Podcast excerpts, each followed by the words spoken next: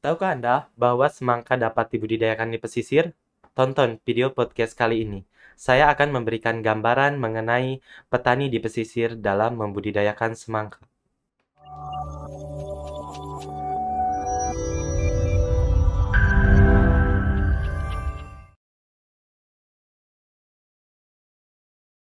Halo, selamat datang di channel YouTube kami, NPK Mutiara TV. Di channel ini, Anda akan mendapatkan informasi dan edukasi seputar pertanian, khususnya nutrisi tanaman. Tonton video-video kami, jangan lupa like video kami, subscribe, dan pentung tanda loncengnya untuk terus mendapat update dari kami.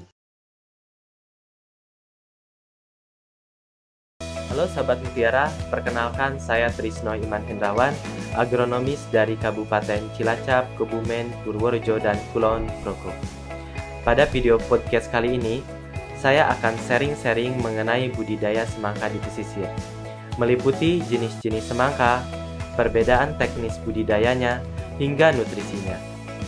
Oh ya, apabila sahabat Mutiara memiliki pertanyaan, bisa tulis di kolom komentar ya.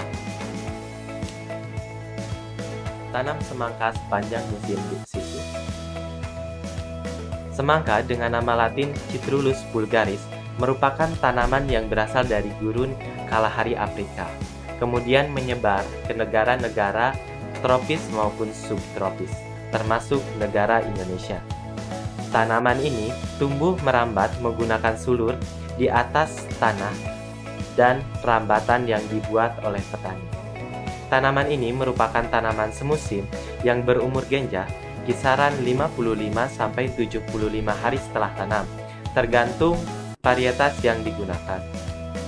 Nah, pada umumnya semangka banyak ditanam di ketinggian tempat 0 sampai 600 mdpl. Kemudian cocok ditanam di suhu 20 sampai 30 derajat Celcius. Memiliki curah hujan yang rendah berkisar 120 sampai 140 mm per musim. Kelembaban udara yang rendah memiliki kecocokan untuk semangka karena tanaman ini berasal dari daerah gurun yang memiliki kelembaban udara yang rendah. Kondisi tanah harus gembur, berpasir atau berporos, kemudian kaya bahan organik. Penyinaran matahari harus maksimal Apabila kurang maksimal akan terlihat gejala daun lemas.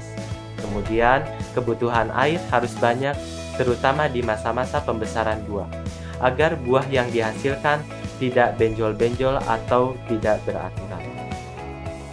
Nah, untuk kondisi lahan di daerah pesisir di area kerja saya itu memiliki ketinggian yang sangat rendah, yaitu 0 sampai 10 mdpl saja. Suhunya berkisar 20-30 derajat Celcius. Nah, untuk tanahnya memiliki perbedaan, yaitu bertekstur pasir, sehingga memiliki poros yang tinggi. Penyinaran maksimal karena berada di dataran rendah dan pesisir pantai. Untuk penanaman bisa dilakukan lebih banyak dibandingkan daerah lainnya, yaitu empat musim tanam per tahun di musim penghujan dan kemarau. Nah, untuk jenis-jenis buah semangka yang ditanam di daerah pesisir itu dibedakan ke dalam beberapa tipe. Hal ini atas pertimbangan kebiasaan petani atau selera petani, kemudian harga semangka itu sendiri dan permintaan pasar. Nah, dari segi bentuk buah ada dua bentuk buah semangka, yaitu yang berbentuk bulat dan bulat panjang atau yang sering disebut petani semangka ino yang masih menjadi primadona yang dikembangkan oleh para petani di daerah pesisir adalah berbentuk bulat. Kemudian, dari segi warna kulit, buah ini ada yang berwarna hijau dan berwarna kuning. Nah, untuk yang berwarna kuning ini, semangka golden mulai banyak dikembangkan oleh para petani karena memiliki warna yang unik dan memiliki harga yang lebih tinggi dibandingkan dengan warna hijau. Nah, dari segi daging buah, yang sudah umum kita ketahui adalah daging yang berwarna merah, jadi memiliki banyak permintaan dibandingkan dengan yang berwarna kuning atau keorenan, yaitu 3 banding 1. Namun dari segi harga, warna oranye memiliki harga yang lebih tinggi. Nah, dari segi keberadaan bijinya, ada semangka yang berbiji dan tidak berbiji. Nah, ini ada beberapa perbedaan teknis budidaya di lahan pesisir dengan wilayah dataran rendah lainnya. Yang pertama adalah musim tanam. Musim tanam di daerah pesisir bisa dilakukan sampai empat kali per tahun. Hal ini dilakukan karena tidak tergantung terhadap musim kering atau musim kemarau dan tidak terkendala dengan genangan air di musim penghujan. Berbeda dengan lahan sawah yang hanya dilakukan sekitar 1 sampai 2 kali per tahun. Nah, dari pengendalian hama penyakit, di lahan pesisir harus melakukan pengendalian hama penyakit yang lebih ekstra karena siklus tanam yang tidak berhenti menyebabkan siklus hama penyakit lebih banyak untuk berkembang. Kemudian, dari segi penyiraman, lahan pesisir dengan tekstur tanah berpasir menyebabkan tanah berporos tinggi dan daya pegang air yang rendah, sehingga harus dilakukan penyiraman yang lebih sering. Sama halnya dengan teknis pemupukan, memiliki infiltrasi yang tinggi, kemudian porositas yang tinggi, kemudian daya pegang air yang rendah menyebabkan pemupukan atau unsur hara yang ada di dalam tanah cepat hilang sehingga tidak tersedia bagi tanaman. Maka para petani mengantisipasi hal tersebut dengan melakukan pemupukan yang lebih sering, yaitu 3 sampai 4 hari sekali. Berbicara mengenai pemupukan, itu ada di pengolahan dasar dan pemupukan dasar. Nah, kita di pesisir biasanya menggunakan pupuk kompos. Pupuk kompos berasal dari kotoran ternak ayam. Hal ini dikarenakan kotoran ayam banyak tersedia di lahan pesisir. Namun, pupuk kompos yang digunakan adalah pupuk kompos yang di stok di satu musim sebelumnya. Kemudian digunakan satu musim berikutnya, yaitu sebanyak 1-3 kg per tanaman dengan tambahan NPK Mutiara 1616 sebanyak 40 gram ditambah 20 gram SS Amopos. Nah, kemudian dibentuk bedengan sebesar 4-60 cm.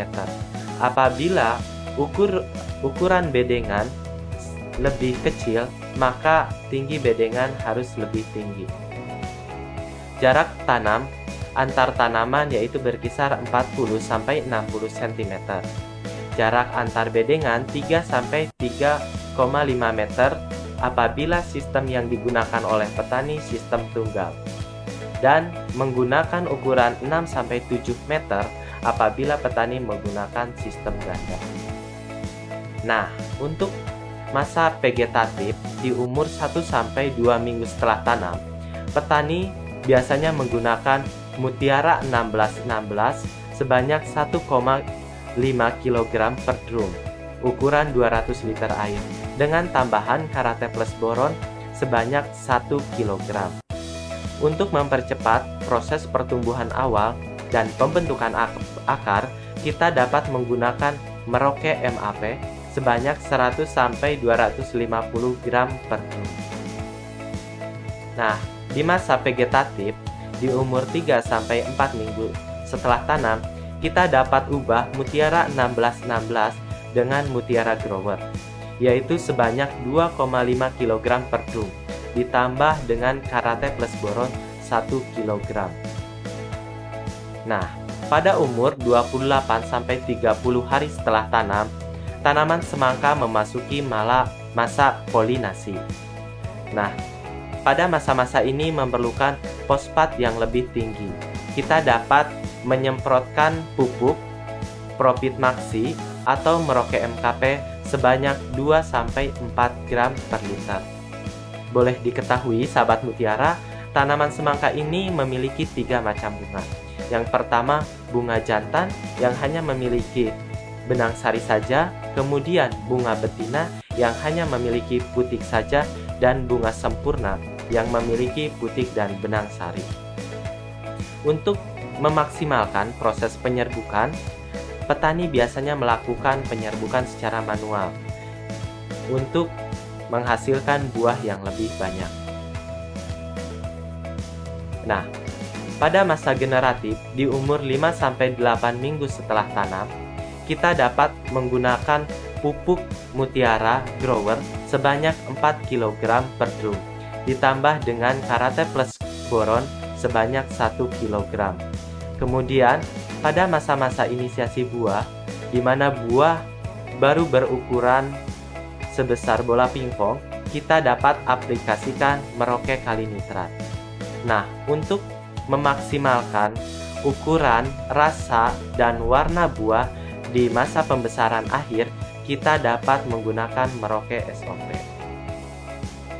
Selama masa pertumbuhan, vegetatif maupun generatif, kita memerlukan unsur hara makro sekunder dan mikro. Kita dapat mengaplikasikan secara poliar yaitu Merauke S sebanyak 2-4 gram per tangki, ditambah dengan Merauke Pitoplex sebanyak 2,5 gram per tangki. Sahabat Mutiara, ini media sosial kami. Like, subscribe, dan pentung tanda loncengnya channel YouTube kami NPK Mutiara TV. Kemudian bergabung di komunitas Telegram, komunitas NPK Mutiara. Kunjungi website kami www.npkmutiara.com. Kemudian like Facebook kami Meroke Tetap Jaya dan follow Instagram kami Meroke Tetap Jaya.